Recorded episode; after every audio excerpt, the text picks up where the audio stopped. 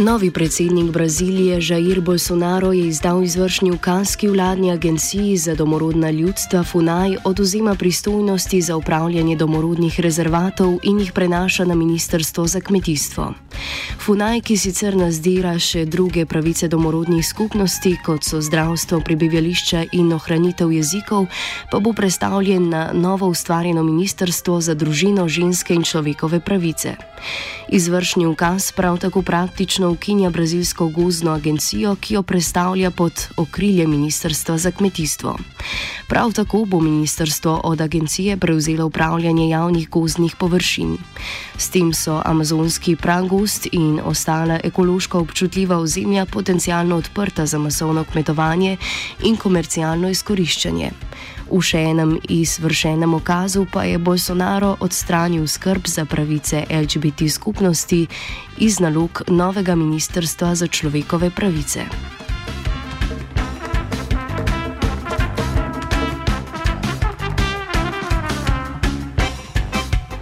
Izraelski minister za javno varnost Gilad Herdan je razkril načrte Izraela, da namerava otežiti življenjske razmere za palestinske zapornike v izraelskih zaporih. Načrte je sprejel državni varnostni kabinet, kljub temu, da Izrael trenutno nima vlade. Erdan je dejal, da načrti predvidevajo omejevanje količin vode, zmanjševanje števila obiskov, odpravo pravice do samostojnega kuhanja hrane ter omejevanje dostopa do televizije. V skladu s prejetimi načrti je izraelska oblast zapornikom, ki so povezani s Hamasom, že prepovedala kakršne koli obiske. Erdan pravi, da so načrte sprejeli z namenom oteževanja življenja v zaporu tistim, ki izvajajo terorizem. Trenutno naj bi bilo v izraelskih zaporih približno 5500 palestincev, vključujoč 230 otrok in 54 žensk.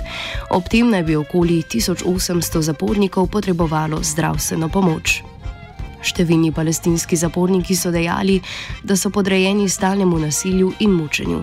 Zaradi takih pogojev je prišlo že do številnih protestov in gladovnih strank, o katerih pa se zaradi izolacije le redko poroča.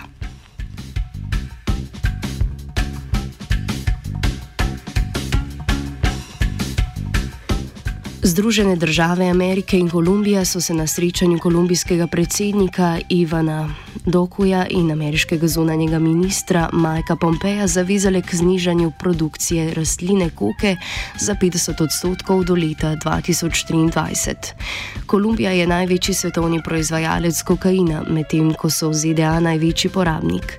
Letno ZDA Kolumbiji priskrbijo 350 milijonov evrov pomoči za večno vojno proti drugam. Kljub temu, kljub vsem ukrepom, pa produkcija ustrajno narašča, ob tem, da kolumbijske oblasti letno uničijo kar 80 tisoč hektarjev koke. Augusta izvoljeni predsednik Dokujeh je ob tem dejal, da bodo oblasti nadaljevale z napadi na kmetovalce, ki gojijo koko in sprejemanjem novih zakonskih sprememb, ki bi oblastem omogočale več pomoči pooblastil v boju proti drogam.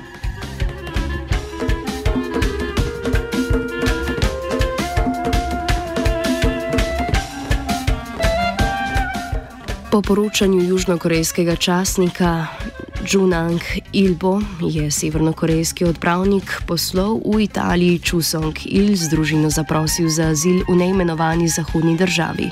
Song Il je v Rimu deloval od oktobra 2017, ko so italijanske oblasti zaradi jedrskega poskusa protestno izgnale veleposlanika Munjok Nama. Dejstvo, da je seboj smel pripeljati svojo družino, naj bi nakazovalo, da je sorodnik enega najvišjih funkcionarjev severnokorejskega režima. Zaradi tega se je Italija znašla v zapletenem položaju, kako ukrepati, vendar naj bi po poročanju časnika Song Ila ščitile na, citiramo, varnem mestu. Takšni primeri prebegov, zadnji sega v letu 2016, so sicer redki, saj morajo diplomati v domovini pustiti družinske člane, praviloma otroke, s čimer si severnokorejski režim zagotavlja njihovo poslušnost.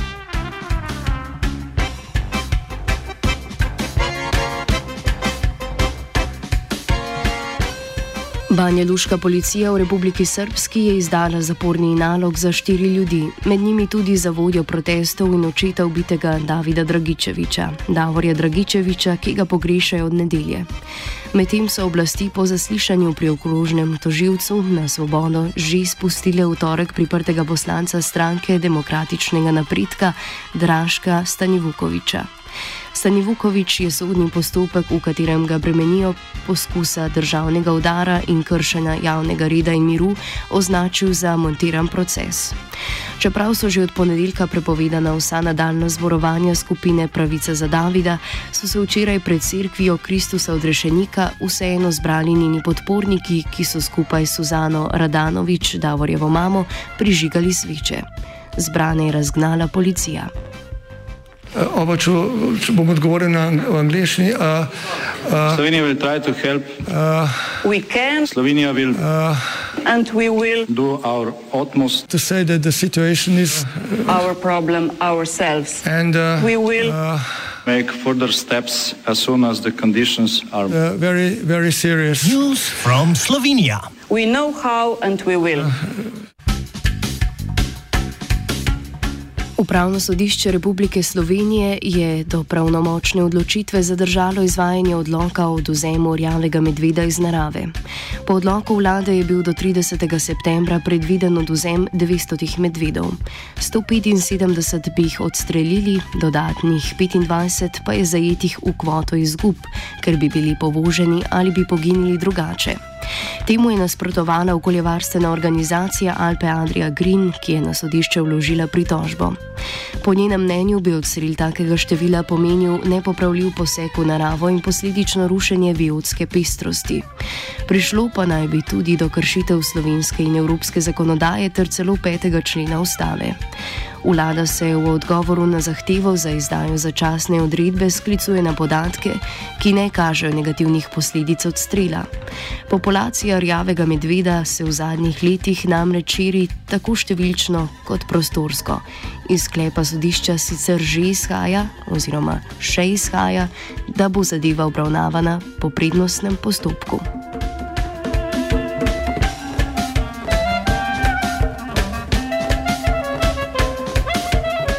Mariborski javni potniški promet z današnjim dnem uvaja novo brestično kartico, ki je približen ekvivalent temu, kar je v Ljubljani že poznano kot kartica Urbana.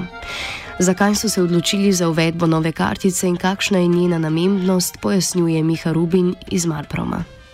Uh, torej v mestnem potniškem prometu v Mariboru uvajamo nov sistem evidentiranja in prodaje avtobusnih vozovnic.